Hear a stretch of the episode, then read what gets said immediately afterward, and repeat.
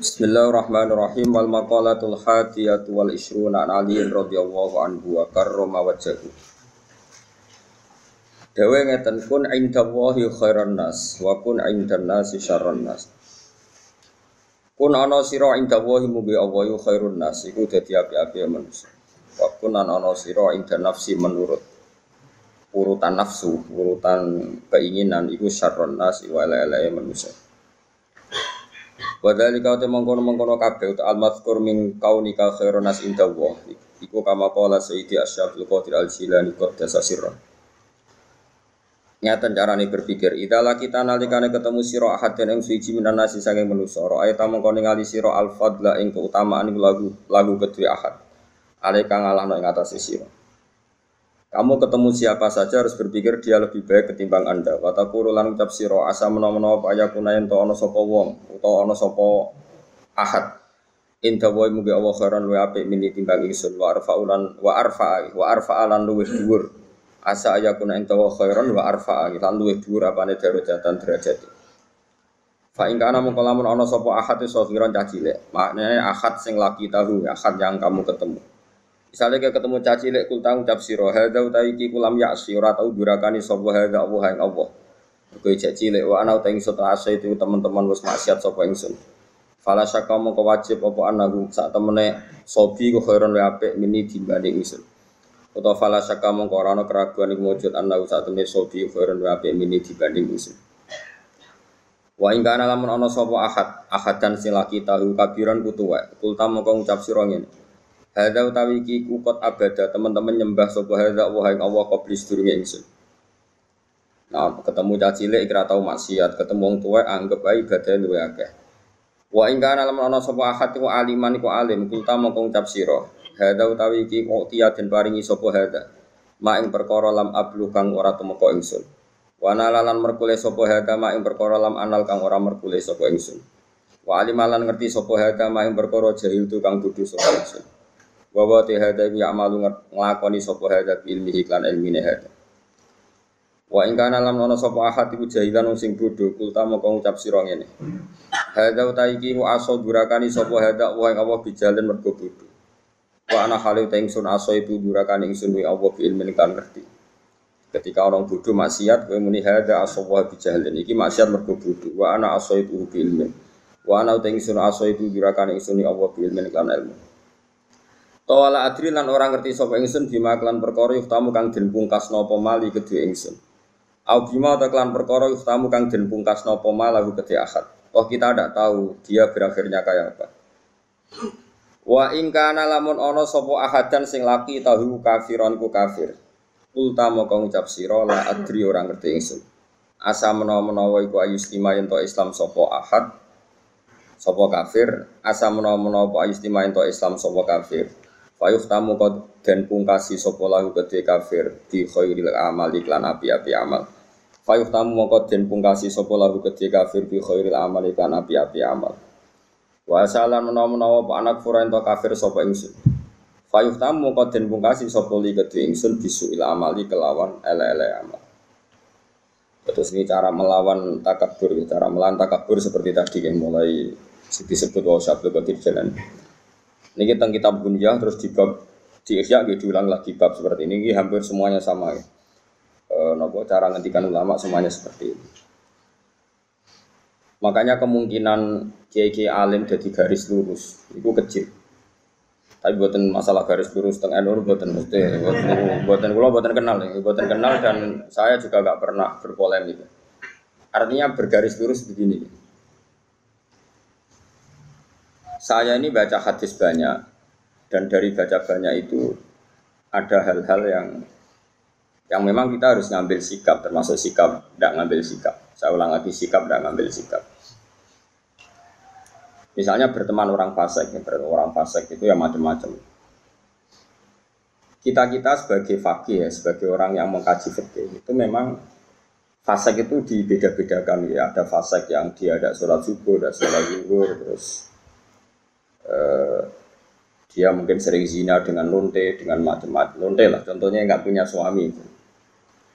Ini fasek masih kategori fasek pasif, artinya dia fasek, tapi hak adamnya masih rendah. Ini boleh kamu nggak bersikap tegas. Tapi kalau faseknya itu menzinai istrinya orang, faseknya itu menculik anak-anak atau membunuh orang, atau fasek mencuri harta orang, ini tentu kita harus tegas, meskipun tanpa menfonis orangnya, tapi hukuman perilakunya harus tegas. Saya ulang lagi, ya, jangan karena kitab ini, ini kitab Nasihul Ibad ini kan ya pas tepaan saja, pas tepaan saja beliau ngendikan tentang haramnya ketakabur dan cara mendidik takabur itu begitu. Setiap orang dipandang lebih baik. Saya ulang lagi, di, setiap orang dipandang lebih baik. Tapi masalah kita secara fikih adalah bahwa orang itu punya kewajiban. Di antara kewajiban itu nahi mungkar. Dalam tema-tema seperti ini mungkin orang-orang yang garis lurus, orang-orang yang mungkin di ormas-ormas keras lebih baik. Caranya gimana? Tadi kita milah-milah sesuatu yang efeknya itu mutaadiyah, sesuatunya itu efeknya ke mana-mana. Misalnya begini, ini rumah tenan, awas nak salah rokok. Begini misalnya, Rasulullah itu pernah ngetikan gini, dosa paling besar itu apa? Nabi pertama jawab al isrobillah, syirik. Dua, kotlun nafsi, membunuh. Tiga, antuzaniyat bihalilati jari, menzinai istri tetangga kamu, atau umumnya istrinya orang lain. Sehingga dalam Islam tidak ada orang membunuh orang lain terus kemudian ditakwil. Jangan-jangan punya motif yang positif. Tidak bisa, ini kriminal. Loh. Makanya jangan sembarangan kamu bilang misalnya kita harus berbaik-baik orang fasik. Bisa saja nanti khusnul khotimah. Fasek yang mana? Urusan khusnul khotimah itu urusan Tuhan. Tapi kalau faseknya ini dengan cara yang muta'adiyah, yang efeknya itu merugikan orang lain. Kue iso nyabari orang yang menculik anak kamu, yang menculik istri kamu. Tapi kamu bisa mensabari orang yang nggak pernah sholat subuh. Ulang lagi, gue iso kan nyabari orang nggak sholat subuh, nggak sholat duhur, bisa kan? Tapi nak menculik istri kamu, anak kamu, tidak bisa. Syariat pun mengatakan tidak bisa. Orang membunuh orang lain ada kisos. Orang menzina setelah kawin ada raja. Bahkan orang yang menculik, menggarong dan membunuh itu nggak boleh langsung dibunuh. Itu ada yang dicongkel matanya, yang disalib macam-macam. Harus keras hukumannya dalam hukum Islam. Makanya nggak boleh ngaji satu kitab hanya karena satu kitab terus kita ngaji terus tawandu, ambek wong sing mata ini bujumu ya tawandu. Ambek itu gendeng orang orang tawandu tapi kok. Jelas ayatnya ini innama jazaa'ul ladzina yuharibuna wa rasulahu wa yas'auna fil ardi fasadan ayyuqtalu au yusallabu bukan sekedar dibunuh tapi apa? Disalib. Au tuqatta'a aydihim wa arjuluhum min khilafin au yunfau minal Sebelum disalib tangan kanannya misalnya dipotong, tangan kirinya dipotong atau selang-seling tangan kirinya dipotong, tangan kanannya dipotong. Auto koto aidihim wa arjuluhum min khilaf. Min khilaf itu di apa? Diselang-seling. Itu hukumannya keras sekali. Itu juga misalnya maling yang melebihi rubu dinar. Meskipun kita tidak bisa melakukan hukum itu karena kita di negara Pancasila, itu nggak masalah. Kita tidak melakukan itu. Tapi kita tahu kadar emosinya Allah, kadar dukanya Allah, kadar dukanya Allah dan Rasul. Saya ulang lagi ya. Saya pernah ngomong ini, matur ini di depan Kiai Kiai Kajen. Jadi begini, maksud saya kenapa saya cerita ini. Kemarin saya juga pas hari apa ini. Tanggal Kamis itu kan tanggal 1 Muharram, ya, berarti Rebu. Kemarin Rebu saya ada acara aswaja di Tayu dengan Gus Zofur, terus saya habis itu ngajar Mahatali di pondoknya Mbak Sahal. Saya ngomong begini, hukum itu kamu tidak harus bisa melakukan karena untuk mengeksekusi kotil misalnya pembunuh itu butuh hukum negara. Dalam konteks ini negara Islam, kamu nggak boleh misalnya sama pembunuh anak kamu, kamu langsung membalas apa? Membunuh tanpa hukum apa? Lewat hukum negara, memang aturannya gitu. Semua sahabat dulu nggak pernah langsung membunuh pembunuh ayahnya, tapi matur Nabi dan lewat pengadilan, lewat keputusan negara. Itu juga orang zina nggak langsung dibunuh, tapi lewat Nabi dan terserah Nabi memberi hukuman apa.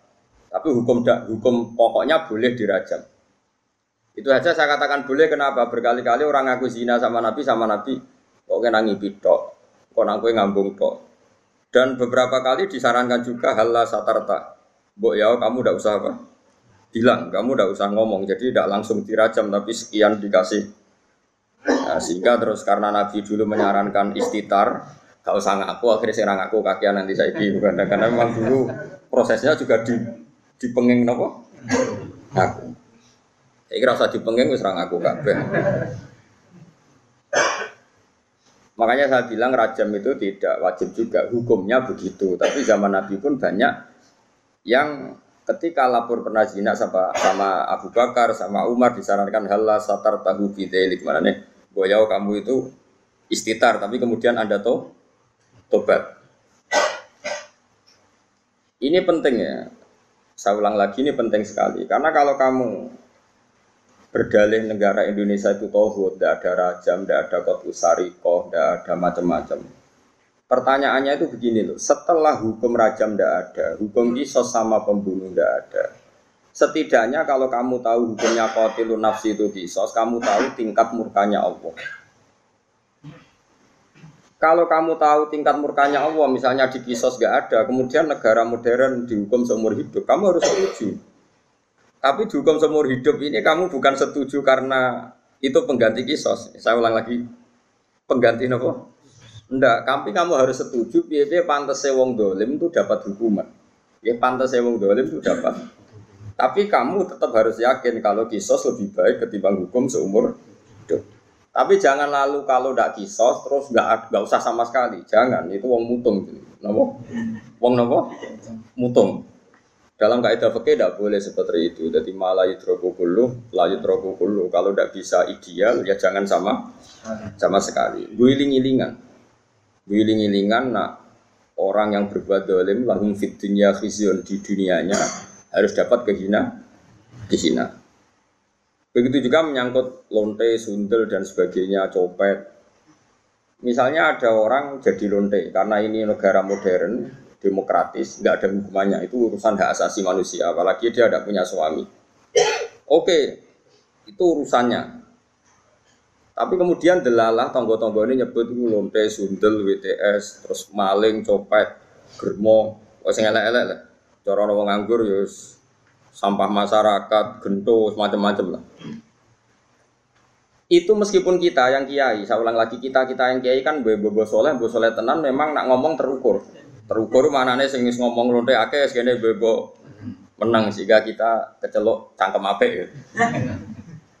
Masih oke bebo soleh, kamu harus kuat ilmunya itu bagus ketika masyarakat menfonis itu lonte, sundel, maling, copet, gendut.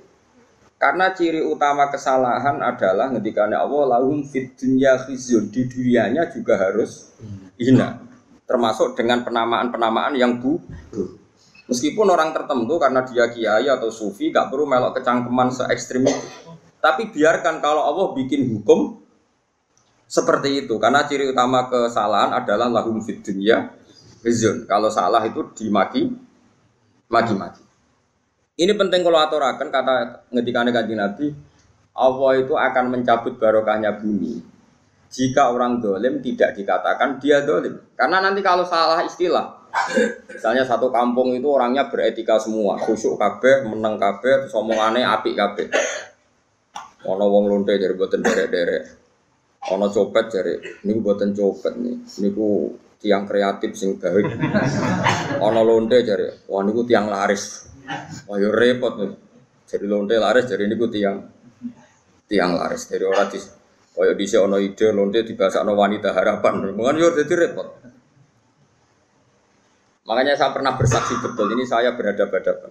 Ada orang yang ait karena free sex ya, bukan ait karena kecelakaan bekasnya jarum atau bekasnya gigitan atau apa pokoknya karena karena benar-benar uh, free sex ya seks bebas ngawur uh, ada dokter itu konsultasi sama ulama Kemudian saya pas di situ ada beberapa ulama, ada beberapa kiai pasti. Di dokter tadi orangnya sangat sangat nasionalis ya, dia ada kepati mikir loh pentingnya agama. Dia tanya, Pak Kiai sekarang kedokteran baru nyari obatnya aid gini-gini dan kita ikut terlibat penelitian gini dia bangga sekali menceritakan uh, ikhtiar ya ikhtiar untuk mencari obatnya aid Kiai ini terkenal ramah sekali, terkenal ramah, terkenal sopan, terkenal gak pernah ngedikan keras. Tapi di luar dugaan saya pun tidak pernah menduga kalau Kiai tadi jawabnya gini. Wong zino sak karepe dhewe wong maksiat. Pangeran kepen ngukum sampean kepen ngobati. Ono nak sampean kepen nantang kersane pangeran. Oh nangis dokternya. Dia gak ngira kalau kiainya jawabnya seperti itu. Sama, orang copet itu kan merugikan orang banyak. Gawa bojone wong zino merugikan orang banyak.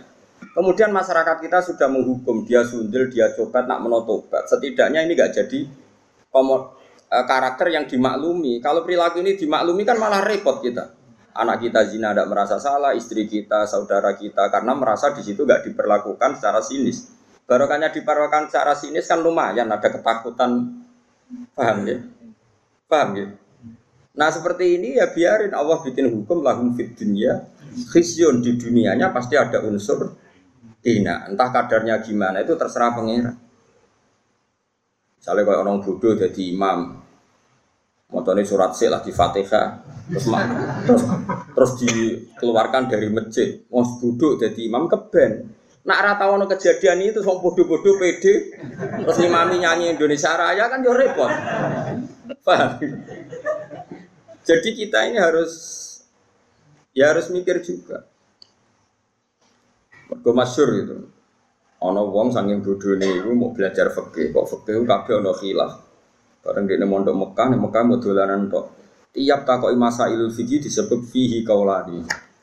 Ini ada dua pendapat. Wong pertama ngirane alim kabeh. Wong kok kabeh roh iku ono khilaf. Terus ana sing mangkal takoki. Bah, hukumnya demenan bi fihi kaulani berarti sarap karwan demenan kok fihi kaulani demenan dan rokok ngawur. Demenan itu hukumi fihi. Kaulah kode ini itu mau latihan ibu-ibu alim orang alim tapi ibu-ibu paham ya sehingga dalam banyak hal misalnya riba. Saya tidak mengatakan bunga loh riba. Riba itu dengan bunga itu kadang sama kadang enggak pokoknya riba. Allah jelas ngendikan jika kamu tidak meninggalkan riba, maka fa'dhanu biharbim minallahi wa rasulih. Kamu harus beri pengumuman kalau orang yang riba itu sama dengan memusuhi Allah dan Rasul dan menantang perang. Jadi fa'dhanu biharbim minallahi wa rasulih. Ya, harus jelas. Paham ya? Dari sekolah suwon kayak ngerasani itu. Ngerasani itu hukumnya haram. Tapi Allah ila yaumil kiamah apa gawe wong ngerasani itu banyak. Mereka nak gak ono ngrasani iku wong maksiat ku yo penak, ora ono pengadilan sosial. Ora ono pengadilan apa? Sosial. Tapi nak ono sing ngrasani kan ini jadi kontrol. Ya jadi nopo? Iya, misalnya no hamil di luar nikah, wah ini produk gagal. Wah, kena apa rabi ke susu, lah kena kan. Jadi akhirnya satu keluarga malu, terus mereka yang belum kena di komitmen jangan kena supaya tidak malu di depan masyarakat ini barokah sekali pengadilan-pengadilan seperti ini. Nah, untuk yang kiai, yang imam masjid, sering kecelok khusyuk, tokoh masyarakat, mereka itu gelar tokoh rujukan, ya kudu ibu cangkem apa? Sing ibu tapi kau tenanan. Kamu harus tetap membiarkan cangkem-cangkem elek ini berkeliaran karena ini pengontrol, apa? Tapi gue mau kiai, kecelok serbana, jumatan minyakan, terus kan juara apa? Antas melok cangkem elek. Sebebo khusyuk, sebebo anteng. Tapi kayak kudu dukung no. Pergerakan cangkem nopo. Elek. Jadi kita trik jadi kiai alim paham ya. Enggak ya kayak ibu-ibu, nopo ibu-ibu kayak pulau. Pokoknya sementing, pokoknya kayak pulau nanti kudu anut. Lha pancen ngoten. Kalau ini termasuk matur teng aswaja teng tayu matur ngoten. Rasulullah itu unik, figur yang unik. Misalnya begini. Mustafa kok mati ngombe Mustafa ya pantas ya. Apa? Zaid ya Zaid gak pantas. Zaid itu sang soleh ya agar berdoa. Pokoknya orang wong mati bergoplosan. Nah, saya lah, mati ini bergoplosan. Beberapa nanti ngalami. Mati oplosan. Kadang-kadang itu gue ya soleh, kadang bayi soleh malah majelis taklim. Putune kurang ajar, ngombe oplosan mati. Mati tenan ya. Mati ra urip. Uh, walhasil rame, iya jelas mati ini gue oplosan. Wong seksine ada dan komunitas grupnya ada, ono setengah mati, sing mati tenang. Ya terus kemudian ada yang tanya saya, Gus, kampung saya ngalami seperti itu, saya ini kiainya di situ, sebaiknya saya nyolati apa enggak? Tak takut itu termasuk kitab tak ada situ. Paling top Gus. Biasanya kata orang-orang saya ini kiai induknya. Segini aja, satpam-satpam yang kono atau wong petani biasa itu konsolat, itu limo tanam gue syarat. Sing gue gue rasul. Ya sing kue gue gue rasa. Ayo keketok, nopo. Begini logikanya begini. Ini rumah tenan. Awas nak salah rokok. Jana jatuh muslim. Loh ini saya ngomong di depan para kiai ini. Penting saya aturkan, bukan karena som saya sombong. Ciri khas kebenaran fikih adalah diomongkan di depan banyak, kemudian dikontrol ahlul ilm.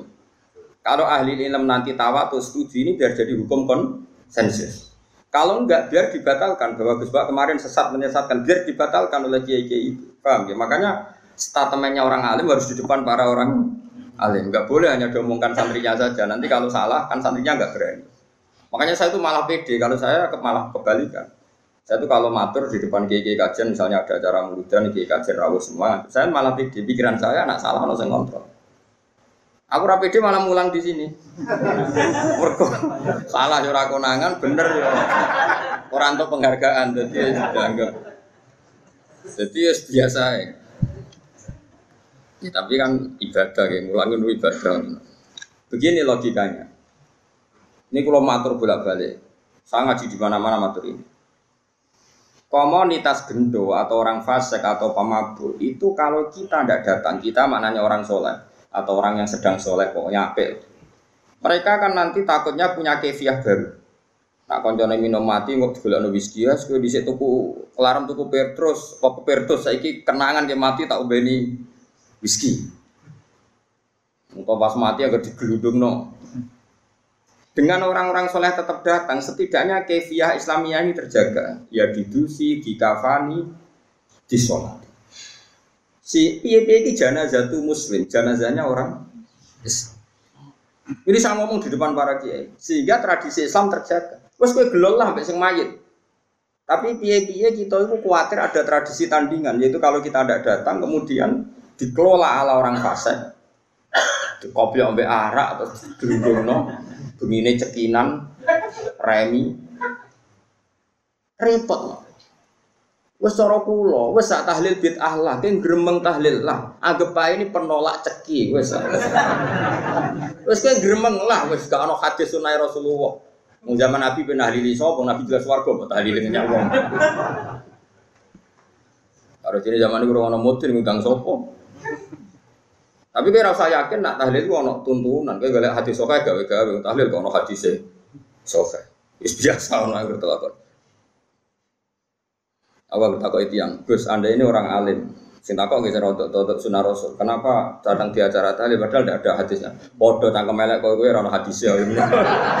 Podo rano hadisnya geger. Gak ada nabi ngajari tangkem elek. Berarti sama-sama. Sama-sama ra jelas sampe. Sawanin Rosno. Nah ini saya ulang lagi ini rumah tenang ya. Orang yang jelas mati oplosan, pernah juga ada yang tanya orang yang mati bunuh diri. Itu saya pernah ya ada sekitar apa 22 kiloan dari kampung saya itu di kampung di atas gunung. Ada orang jadi rontok soleh, wong ya soleh terkenal soleh ya. Justru karena soleh terlalu soleh kuper, tapi soleh kuper. Bujone ayu juga wong mati malah bunuh diri. Iya, kehilangan bujo, kehilangan. Nah, itu kiai temannya itu tanya ya kasusnya itu itu nggak ada yang berani nyolati karena mati bunuh diri itu kan hukumannya berat. Ya kayak mati oplosan, mati bunuh diri, mati firor anisafi, lari dari perang, atau mati pas di tempat maksiat, tempat mesum macam-macam lah. Ini caranya gini, cara berpikir kita. Kalau kita tidak datang, kita ini siapa saja, ada harus orang banyak. Nanti mereka melahirkan kefiah baru. Ya saya ulang lagi, melahirkan itu satu. Dan ini tidak baik bagi Islam karena nanti setelah ada kefiah baru, kita ini malah kesulitan menghilangkan. Paham ya? Kesulitan enggak? Karena nanti kalau ada orang fasik mati, sing masjid menunggu.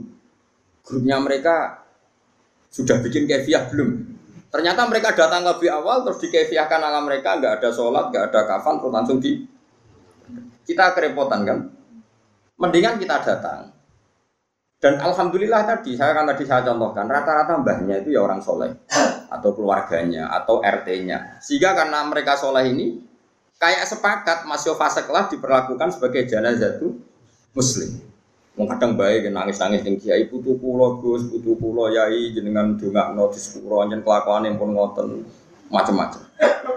Nah, dalam tradisi Rasulullah dulu ketika Abdul bin Ubay mati karena anaknya santri, nyatanya Rasulullah datang karena menghormati keluarga. Ada roh nak kelakuannya Abdul bin Ubay itu kayak seperti itu. Anggap saja kamu menghormati keluarga. Dua menghormati kefiah Islamnya, yaitu kefiah Islam yang tadi. Karena kalau ada kefiah baru kamu yang repot. Lu kalau nanti ngelakoni lu ini nyata. Di kampung sebelah saya itu terkenal wongnya itu tukang nanggap dangdut. Dulu sembrotor-brotor macam-macam. Nah itu orangnya itu kultus sama saya. Tapi ya kultusnya wong abang kan. Gus, sesuk anak kula nikah. Jiran sing akad to. Yo jam piro jam 09.00. Mungkin ngampun tenan jam 2 wonten dangdutan. Lah terus piye? Jenengan teko sing akad mari yo yo. Ya tenang ya. Wah itu termasuk sisi kontroversi saya karena orang-orang itu. Iya Gus Mas, karena wongnya maksiat jangan kok gelem. Makanya saya ini diuntungkan terkenal ngalim. Wong kan sungkan mau gerbang tok rawani jadi penting terkenal ngalim penting. Paling gak wong nyoalim apa gerbang mana. Karena pikiran kita sederhana, kalau kefiatun nekah orang alim tidak mau datang, lalu mereka kalau bikin kefiah baru juga kita kesulit, kesulit. Setidaknya dengan mereka masih butuh orang alim, ada kefiah sing mujma aleh yaitu cara mati ne mayit. Oplosan lah ya didusi di kafani di pendem saya sebut satu-satu ya didusi di kafani di solati di pendem kefiah nekah ya dinekah nawaline atau wakile dengan dua saksi. Wes. Sekarang kalau kita tidak datang lalu mereka bikin kefiah makanya saya anggap kita datang ini fardu kifayah. Datang saja tapi jangan kitopnya. Nanti kalau kitopnya datang semua, punya pikiran begini semua, lalu bedanya yang yang sholah be fasik. Semua mati oplosan sing teko yo wakeh, sing imami misalnya PBNU, BPP Muhammadiyah. Engkau sing mati wong soleh karena tokoh sing teko yo. Terus famal farku bena, napa bena, kan ya lucu. Makanya ini unik uniknya Rasulullah ada seorang fasik karena punya utang gak nyaur. Nabi datang. Nabi tanya, apakah mayat ini punya utang? Ya ya Rasulullah. Nabi langsung balik kan, nggak mau nyolati. Saya tidak mau nyolati orang yang punya utang. Nanti kayak bejo orang menangi Nabi. Waduh orang batal Nabi nyolati umat sama nakir. Karena kabeh duwe utang. BPKB ini tonggo bisa. Nggak utang cek ngaku BPKB ini tonggo. Iya gitu. Oh, itu mau orang dinar, orang dinar saat dinar mau 4,2 gram. Tahu tak itu sekitar satu juta enam ratus. Itu nanti pun purun, buatan purun.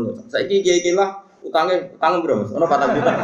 Niki nanti kalau tanglet utangnya patang juta. Serah gelem nanti. Pulau mau di atas 10 juta, tapi orang langkai orang pulau. Tapi kan aset pulau satu juta, mau jadi sidik. Itu patang juta aset tuh. Ini wes nabi gak kerso. Itu masyur, nabi itu gak mau nyolati. Tapi sebelum nabi tidak mau nyolati, nabi ngendikan gini, itu masyur di hati-hati. Solu ala sohibikum. Aku ranyolatillah, tapi kue-kue itu tetap. Ya. Sehingga kata Imam Nawawi dalam Sarah Sahih Muslim mengatakan, jika ada orang fasik meninggal, maka sebaiknya kitopnya itu gak usah ikut nyolati. Terus saja orang kan sepakat, nah, misalnya di kawasan Rembang, Bahmun, di Hajen misalnya dulu Badullah, di Kudus misalnya dulu sepakat orang Barwan. Ini kan kayak kitop semua. Ini sebaiknya tidak usah nyolati, karena ini nanti jadi apa? Jadi apa? Ukuran. Ternyata mau fasik lah ya disolati wong tok tok. Ya sing nyolati cukup ya Mustafa terus teko be kukur-kukur terus terus salate rapati fase. Pokoknya sementing ono ono salat. Piye-piye dengan ada sholat ini berarti ada keberlangsungan tradisi Islam dalam mengelola jana. Paham ya? Terus kalau ngangkat none kamu, artisnya dari itu sudah teko, mau sudah delok. Tapi piye-piye sing ngangkat no kiai misalnya kiai teko terus diangkat no penyanyi-penyanyi dangdut malah karo-karuan. Yes, pokoknya niati dengan kita datang berarti kefiahnya ala kefiah Islam. Ini penting kolator, no, gue ora terlalu garis lurus, ya garis bingkong. Maksudnya ngerti duduk perkara hukum itu,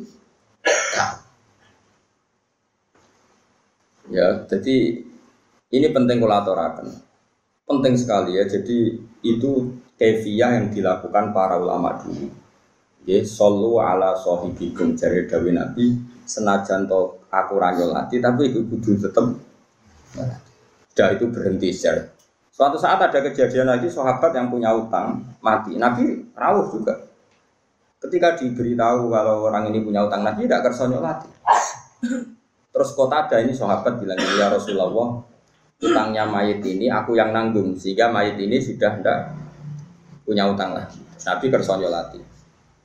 Sehingga terjadi tradisi Jawa kalau ada mayit itu sebelum dilepas semua utang dialihkan sama keluarga atau di Ibrono, tapi saya meninggal sayangnya saya kurang ngutangi gitu. Mulane kula niku kula termasuk ra cocok. Adat niku cocok separuh, ra cocok separuh.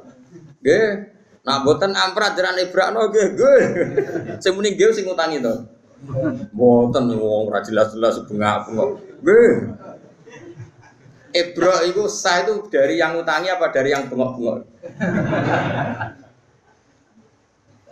Dari tapi itu lumayan, setidaknya ada tradisi bahwa maklumat bahwa utang itu diambil alih yang nopo Makanya kata Imam Nawawi gini, Imam Nawawi lucu nanti kan. Kira usah soleh, usah kecangkeman, deh orang di utang rabu solati. Rasulullah pas wafat itu masih punya tanggungan sama orang Yahudi. Nanti kayak jogeman kedengung Itu hebatnya Rasulullah. Beliau itu akramul khalqi, tapi tetap hidup keadatin nas. Umumnya uang diutang Nabi itu utang. Itu Rasulullah. Orang kaya kue itu utang asli nah niku niku sepanjang asli permanen. Wong akhiri ra iso. Tapi Nabi tetap karena meringankan hisab, Nabi tetap di jaminan yang lebih atas ketimbang utangnya. Jadi Nabi itu pernah punya utang itu dihitung sama lama. Itu salah sunasoan, hanya 30 sok. Anggap saja cara Indonesia misalnya 30 kilo beras. Nabi menjaminkan dir'an min adroihi, min duru'ihi itu nilainya baju perang zaman itu itu Soro Saniki itu sudah hampir 500 juta apa 500 ribu lah paling murah. Berarti kan itu berlipat-lipat dari artinya kalau kamu punya utang memang sebaiknya jaminan ini di atas yang kamu utangi. Sehingga nyari ridhonya yang utangi itu lebih tinggi. Taruh saja misalnya saya punya utang satu juta. Terjaminan saya senilai 5 juta. Ini kan pasti yang di murtahinnya yang terima gede kan pasti ridho. Paham ya Bukan karena hitung-hitungan bang takut reso nyaur terus naik naik buatan buatan karena itu ini kita ada orang-orang yang seperti itu. Bisa ulang lagi ya. Konsensusnya ulama dulu mulai zaman Rasulullah sampai sekarang itu kiai-kiai biasa nyolati tanggane yang terkenal fasek, terkenal gendo, terkenal maling. Tapi sebaiknya sebaiknya kalau mungkin kiai topnya ini tidak usah nopo datang tapi nak di kampung-kampung rata-rata datang semua. Gara-gara kan tidak sem semua orang kan takut merasa cetok. Sampai gejol-gejol kan. Lagi mau rata kok. Aku nih lu gus. Mungkin nang rasa cetok ya. Gue berker kesunatannya sing top itu lah. Orang oleh teko, berarti kira teko merasa top. Akhirnya udah teko berkomedi dianggap top. Terus ketiga itu begini, Wah, nanti dibantah tiang. Kan kalau di kalangan kia ada pasul masa juga, tapi pun buatan buatan di panitia ini NU atau Muhammadiyah buatan di biasa silaturahim, buatan buatan enten panitia ini. Jadi buatan enten sponsor ya, udah biasa ketemu ngomong. Begini problemnya, saya itu alasan saya begini. Sekarang orang mati, kemudian Mustafa ini nyolati. Dia mau wangkel perkara ini wong iki nak jisik nak waya ono jamaah tipe dibiyan terno dan kita. Wong fase kan mangkel lagi kalau nanti dibantah kok. Gus wong iku kurang ajar. Nak ono Jumatan tau sumeti merken. Terus dia cerita masjid kula nanti protol gara-gara iku. Kok jenenge ngengken kula nyolati. Keberatan Gus. Kok dia cerita elek iku nak ono jamaah di setelo dangdut pokoke jeneng mau fase ning nak mangkel loh. Lawang soleh itu rata-rata kan mati-matian mempertahankan ketenangan masjid ya. Kadang ya ketenangan rano jamaah nih. Terus tak mau gue kiai Mereka kalau sama saya kan akrab ya, karena rata-rata kalau gak murid saya, muridnya bapak saya. Kalau gak muridnya bapak saya, muridnya bapak saya. Jika banyak kiai sepuh di kawasan saya, sama saya hormat. Ada yang gak muridnya bapak, gak muridnya mbak, muridnya buyut, muridnya Badru Rahman. Jadi tetap hormat. Tuh. Mulane nyai latihan ke Mustafa kesel, perkara uang itu ora hormat sih, jadi wis kesel. Nah, itu takut ngoten. Jawaban saya begini, Bah, jenengan nak maca solawat, nak wong mati kan solatnya dia mesti eling ya. Takbir ula, takbir takbiratul ula ya atau takbiratul ihram kan. Takbir ula Fatihah, Sania iku maca selawat. Terus ketiga ini sing untuk masalah. Dongakno mayit takbir keempat salam. Sebenarnya setelah takbir keempat itu langsung salam, tapi adat Indonesia mpoh ujuk suwi salam salam. Kalau nyolati jenazah teng Mekah, itu angger takbir keempat ya langsung iya gini misalnya. Kalau nanti makmum Said Ahmad angger takbir keempat ya langsung ini Indonesia bertakbir keempat cek suwi. Cek suwi tuh. Yang magelang cek suwi. Malah sing suwi ya. Nak angger bar keempat ya salah. Ning Mekah nggih ngoten, tapi Indonesia keempat cek suwi. Ordere piye ra ro pokoke.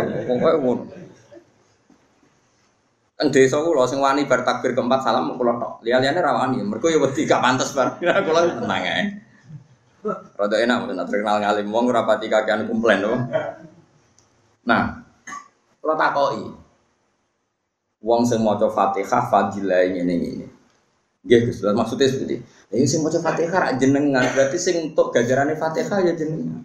Wong sing maca selawat man sholla ali wahidatan shollallahu ali asron. Maca selawat sitok diwales pangeran sepuluh. Sing untuk walesan mayite sing oplosan apa jenengan? Ya sing maca lah iya jenengan ibadah kok getun. Anggap ae golek gajaran dhewe.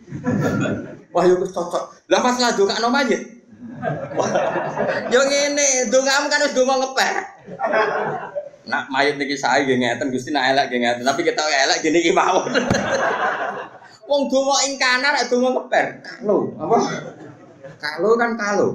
Kalau ini mayit baik. Kalau ini jelek. Malah penak to kira usah ngukumi pun iki. Wa mayamut walam yatub min dzabihi fa amruhu mufawadun li rabbi. Wong mati orang tobat niku urusane jeneng jeneng. Akhirnya bengi tahlil. Ngerti tak uang kok tahlil jari Gus. Tahlil itu mau kalimat thayyibah kan mana sono. Mangkola la ilaha illallah. Saiki sing kola la ilaha sing tahlil apa sing mayit? Sing tahlil. Berarti sing dakhalal jannah. Sing tahlil.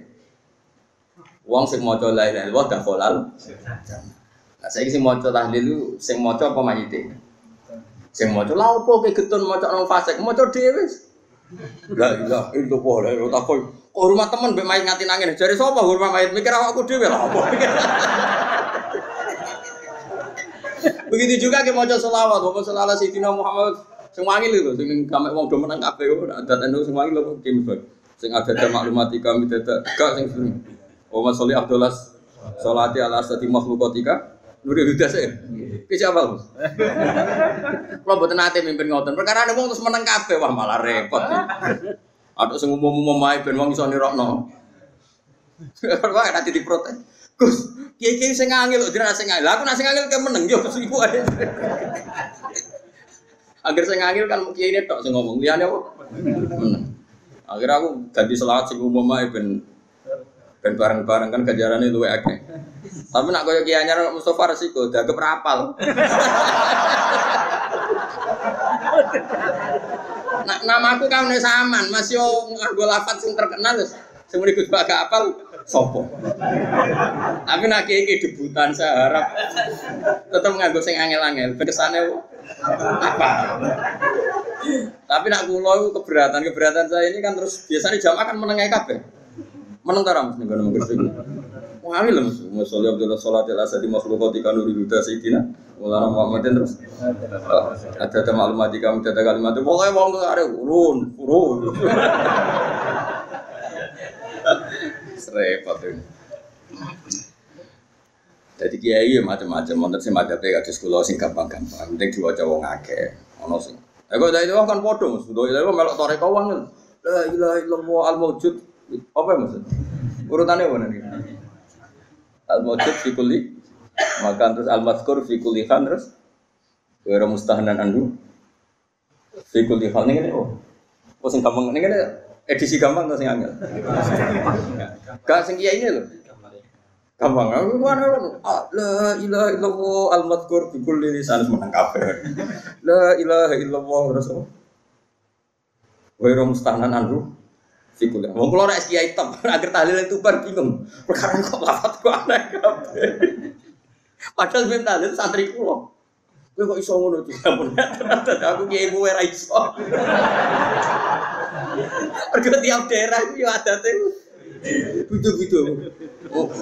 Wah, mati ana wong Kalau di pengalaman itu Gus Koyum, Koyum langsung tidak pernah lek kalau itu beri balik men. Iku bareng dene ape pidato kesusu mbak pidato tembuti. Ngerti nak kiai iku terkenal tahlil suwi mergo kalimatnya ku aneh-aneh. Kayak kulo suwun nggih tahlil kulo mawon kode kesusu. Terus jak maca kulo kuping telu lha pun nggih terus pidato. Mergo kuwatir nak kiai iku ra barbar. Mergo pas kesusu lah, nak ra kesusu nggih, Ini cerita, jadi Nah, kefiah seperti ini itu kan baik. Kalau di orang fasik kefiah ini tidak kita datang karena takut mangkel lah mayit tunggu semayit gendong kok tak no. Oke dari segi itu berhak kita mangkel wong dolim. Masalahnya kalau kita tidak mengisi tradisi ini diisi oleh tradisi mereka mereka terus ceki minum-minum lebih sulit lagi kita menghilangkan. Mendingan gelo-gelo sidik ngempet-ngempet Sidik tekon yang majelis niati ngurip-ngurip tradisi Islam. Senajan tuh gue gedeng maji, maji. Gedengnya mulai sobo ilangi, gak apa-apa. Pembagian maji itu lalas yang dicolong ya dunyamu. Masjid yang di imamane itu sini pun kena mercon deh. Wajar uang nak fasek ning desa kan wis parah tenan. Kata desa kula nu aman ya wonten kiai mulai buyut-buyut. Desa-desa dudutan ngoten niku ora repot. Biasanya langgar itu jadi sasaran. Lan kalau sayang Mbak Mustafa ki debutan wangil kan, wabot. Wabot ya jeneng ono dilarak ono macam-macam. Ya saya ulang lagi ya. Jadi ini supaya sampean tahu. Jadi tapi kalau kefasekan itu yang mutaadiyah tadi hanya saya kayak enggak bujuni orang yang membunuh, kamu nggak boleh ngendikan yang lunak harus keras. Meskipun kita tetap ingin dia tobat tentu ya, tapi hukumnya harus keras. Makanya Nabi keras kamu menzinai sepuluh wanita yang tidak bersuami dengan satu menzinai istri orang itu dosanya berlipat-lipat satu orang atau satu zina yang istrinya orang. Tentu Nabi pun ada ada kualifikasi karena tidak mungkin. Taruh saja misalnya Yun Sewu ya, naudzubillah ya. Orang menzinai lonte ini kan profesional. Haknya kan hanya hak kuwo. Kamu yang hanya melanggar itu hak kuwo. Kamu melanggar aturannya Allah. Tapi kalau menzinai istrinya orang, apalagi orang ini merasa istrinya ini Afifah apa? Afifah itu apa Rasulullah? Gak mau zina lah, Afifah. Kayak apa? Jadi bujune pamit neng mall karena suaminya mau Afifah disilai mobil digawani ATM. Terus boleh demenan. Kayak apa? Mangkal mobil diganggu fasilitas dari suaminya. Kayak apa? Makanya Nabi jelas ngendikan dosa besar itu antuzania di halilati jari kamu menzinai istri orang lah. Istri orang pun di kelas-kelas kan, terutama istrinya tetangga. Ada urutannya. Jika kalau seperti ini Nabi tegas sampai misalnya Nyon Sewa ada hukum rajam. Saya pernah dalam Bahsul Masail ditanya, Gus rajam itu kan jahat, masa orang dibunuh gini-gini karena zina? Saya jawab, oke okay, kita dalam Islam Indonesia nggak ada rajam. Tapi Allah selalu mempertontonkan kematian yang sama. Ini hujatullah. Misalnya begini, saya tanya, andai kan ada hukum rajam tegas, mungkin satu Indonesia yang kena rajam itu nggak sampai 100, nggak sampai 10 kan, karena syaratnya harus ada saksi empat sing nginceng. Tuh iku kudu roh detail mlebune alat kelamin ning vagina. Ada roh kelonan tok, ora cukup. Aku roh ning dhuwure tetep ora iso dalam hukum Islam. Kudu roh alat kelamin lanang mlebu ning vaginane itu. Kan ra roh. Terus rohe papat kudu bareng. Ada gentenan yo ora tidak diterima. Terus parah meneh saksi papat iki kudu adil. Ada pegawai yang nginceng yo adil. Jadi kemungkinan kemungkinan tercapai tercapai rajam kan ada saksi empat yang melihat langsung alat lelaki kelamin masuk di vagina. Terus wong iki gak fasek, termasuk fasek sing pegawai ade. Misalnya sudah Mustafa Adil, lo kok nganti roh, lo pengen gitu, lo soleh, oh soleh sih ngencengan. Nah, kemungkinan aja. Nah, oke. Okay. Berarti yang kira-kira yang kena rajam itu hanya 10. Bandingkan tanpa hukum Islam kayak di Indonesia. Yang mati karena cemburu berapa? Ini bukti bahwa hukum Islam itu benar. Kita membiarkan hukum zina seperti ini di Indonesia. Tapi gara-gara cemburu istri membunuh suami, suami membunuh istri, pasangan muda membunuh pasangan selingkuhannya macam-macam. Gara-gara perzinaan wong ape zina terus wedoke ngomentari Mas piro ngadus sing lanang tersinggung di tekek mati. Nah ini kita harus dengar ini supaya kita jadi tambah iman. Ternyata tidak ada hukum Islam yang katanya mereka kejam rajam. Ternyata hukum yang dibiarkan liar lebih kejam karena karena cemburu membunuh, karena tersinggung sama pasangan lontenya membunuh. Kan natijahnya sama, sama-sama menghilangkan nyawa. Maksud saya yang ngaji saya tak kasih tahu. Oke kita tidak pakai hukum rojam, tapi anda harus tetap tahu di luar hukum rojam toh lebih ya. Itu kan ada yang di Surabaya itu mati jadi no tabung LPG jadi semen. Gara-gara demenan wedok, eh konangan terus ambek istrinya yang tua itu karena lebih kaya nyewa preman dipateni dan dimutilasi macam-macam. Coba kalau kematian-kematian di DVD rata-rata kan pasangan selingkuhan Artinya kita seneng ya, seneng artinya gini. Orang-orang itu yang mengkritik rajam katanya tidak manusiawi, sebagian LSM itu kalau mengkritikan seperti itu. Ternyata yang dibiarkan di luar tanpa hukum rajam lebih ngeri. Rajam itu lebih prosedur karena tadi syaratnya harus saksi empat menyaksikan langsung. Mungkin enggak? Video rai iso iso diedit. Ora oleh foto apa video enggak bisa. Bisa di Wong kaji Nabi dibantah bolak-balik sampai sahabat. Ya gara-gara Nabi kan saking apike wong. Sahabat ya saking mangkele wong. ya Rasulullah, aro'aita law anna rajulan wajada indam ro'atihi rajulan wa qad kana kadza wa kadza disebutno. Ya Rasulullah, misalnya ana wong lanang. Pertamane takok law.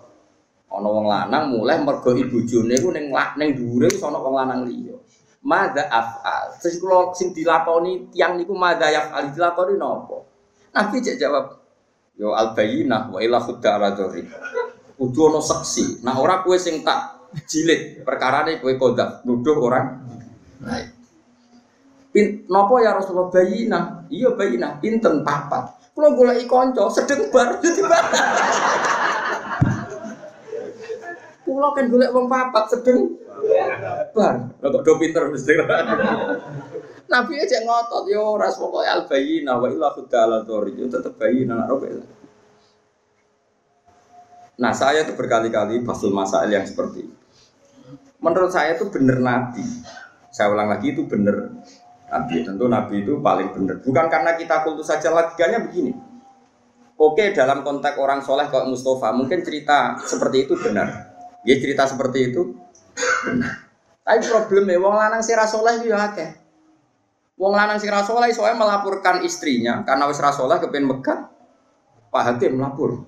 Tadi malam saya mergoti istri saya selingkuh, maka harus diceraikan. Kalau hakim itu menerima semua orang, nanti semua orang kalau mantel istrinya akan menuduh istrinya zina. Dan kalau hukum Islam ditegakkan, semua yang tertuduh zina dirajam, entek wong itu. Paham ya? Maka sebaiknya Nabi mah nggak percaya. Faham sih kalau maksud?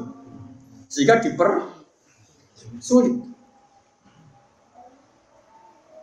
Akhirnya apa? Dalam konteks suami istri ada hukum khusus disebut li'an.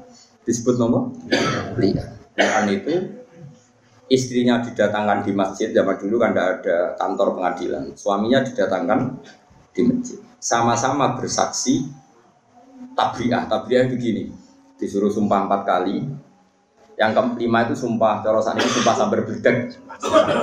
Sumpah pocong cara. Kalau saya bohong dalam menuduh istri saya, saya siap kena berdek atau kena laknatnya Allah. Terus istrinya di depan Rasulullah sumpah empat kali. Yang kelima saya siap mendapat adab Allah jika saya bohong. Baru harus dilepas. Furriko binaguma alal abad. Keduanya diceraikan alal abad abadi sama-sama gak boleh apa nikah lagi terus diceraikan secara syar'an. Yang kok ngenteni perkembangannya pangeran, pokoknya sama-sama nantang sing gorong nggak berbeda gitu. Utara cara saya di pelintes tronton. Kalau di daerah saya gitu kan anak pantura, ada tukaran gitu. Aku ada nganti melok wong iku, tabrak truk. Terus yang musuhnya, oh truk tok, meni tronton. Saking mangkelin. Soalnya debat tuh, wow. Nak sing mbung belah ya ngono kecemplung segoro. Sumpah apa? Mungkin nak sing biasane Merapi sumpah kecopot ulo kan sesuai daerah apa? Masing-masing. Ini penting kalau aturakan ya. Jadi saya mohon sekali jadi untuk hal-hal yang menjadi hukumannya Allah kamu harus angkat sangat. Iya Allah menunjukkan wong-wong maksiat itu lahum fit dunia. Di dunia itu pantas sih, itu untuk ono inani. Mengenai dalam Indonesia udah copet yo Coba, orang kok ini jenius. Berkali-kali aksi kok gak konangan. Berarti sing dicopet itu bodoh, sing nyopet. Wah, ya repot langsung sesuai nak gak ono bahasa hukum nanti begitu. Kalau warani itu orang yang menarik. Sampai banyak orang tertarik, berarti hebat. Ya repot. Mana kalau seneng Indonesia niku anggap apa? Artinya apa itu? Apa ya? bahasa Indonesia meskipun Yun Sewu yang melafatkan tokoh-tokoh nasional pun atau TV-TV nasional bahasanya tetap ada razia satpol pp pada penyakit apa, apa penyakit masyarakat bahasanya masih seperti itu penyakit masyarakat terus ya pokoknya sampah masyarakat masih bagus tapi kan nanti kalau bahasanya dirubah hanya karena nuruti Yun Sewu kemanusiaan Satpol PP memburu orang yang belum dapat pekerjaan. Yang sementara, wah malah kangelan repot. Suara pulau bener Bapak. Sampah masyarakat, penyakit. Ini bukti bahwa Allah itu kuasa. Jadi Allah itu gak ada sunnah. Barang maksiat itu delala secara nasional maupun internasional itu dibahasakan secara keras. Masuk neng Amerika ada rani lonte gitu. Aku sering bilang film-film barat. Kalau sering delok yang gue konsensus mawon. Ternyata gambarannya di barat kalau ada istri sah kok suaminya selingkuh ya sing dimarahi ya selingkuhan orang kok selingkuhan marahi istri resminya masih orang barat masih orang negara komunis itu PKI lah neng Cina sing nyolong mbek sing dicolong sing melayu sing sing nyolong lho kok ije islami kok roh nak sing nyolong ora kok sama rata sama rasa terus paham ya Mulane bener zaman Kisah almarhum Nah, kode kulon. Wong dari gue gue PKI gue rawon. Aslinya neng hati ini yo duit tahu. PKI mau gaya gaya nando. Maksudnya gaya gaya nando. Fitrah manusia itu hanya menolak fahaman di Tuhan. Saya ulang lagi, fitrah manusia itu bukan gak ada PKI, enggak, bukan PKI yang organisasi. Fitrah manusia itu hanya menolak faham. Buktinya itu tadi, orang yang selingkuh ya delik. Wes PKI lah, nah selingkuh delik tuh. Nah nyolong delik tuh. Lu rawat di pangeran, rawat di hukum kok. Delik. Kan wedi nuraninya sendiri. Maling ku nak konangan melayu. Orang kok sampai kak, oh serana pangeran, dunia kabeh podo sama rata sama rasa. Wes dibagi dibagi ya ora ono. Tetep melayu. PKI jem melayu. Jadi makanya agama Islam disebut fitrah tawahilati fatrona saat ya. Pasti pikiran manusia itu ingin ingin Islam. Nah, Islam itu seperti tadi.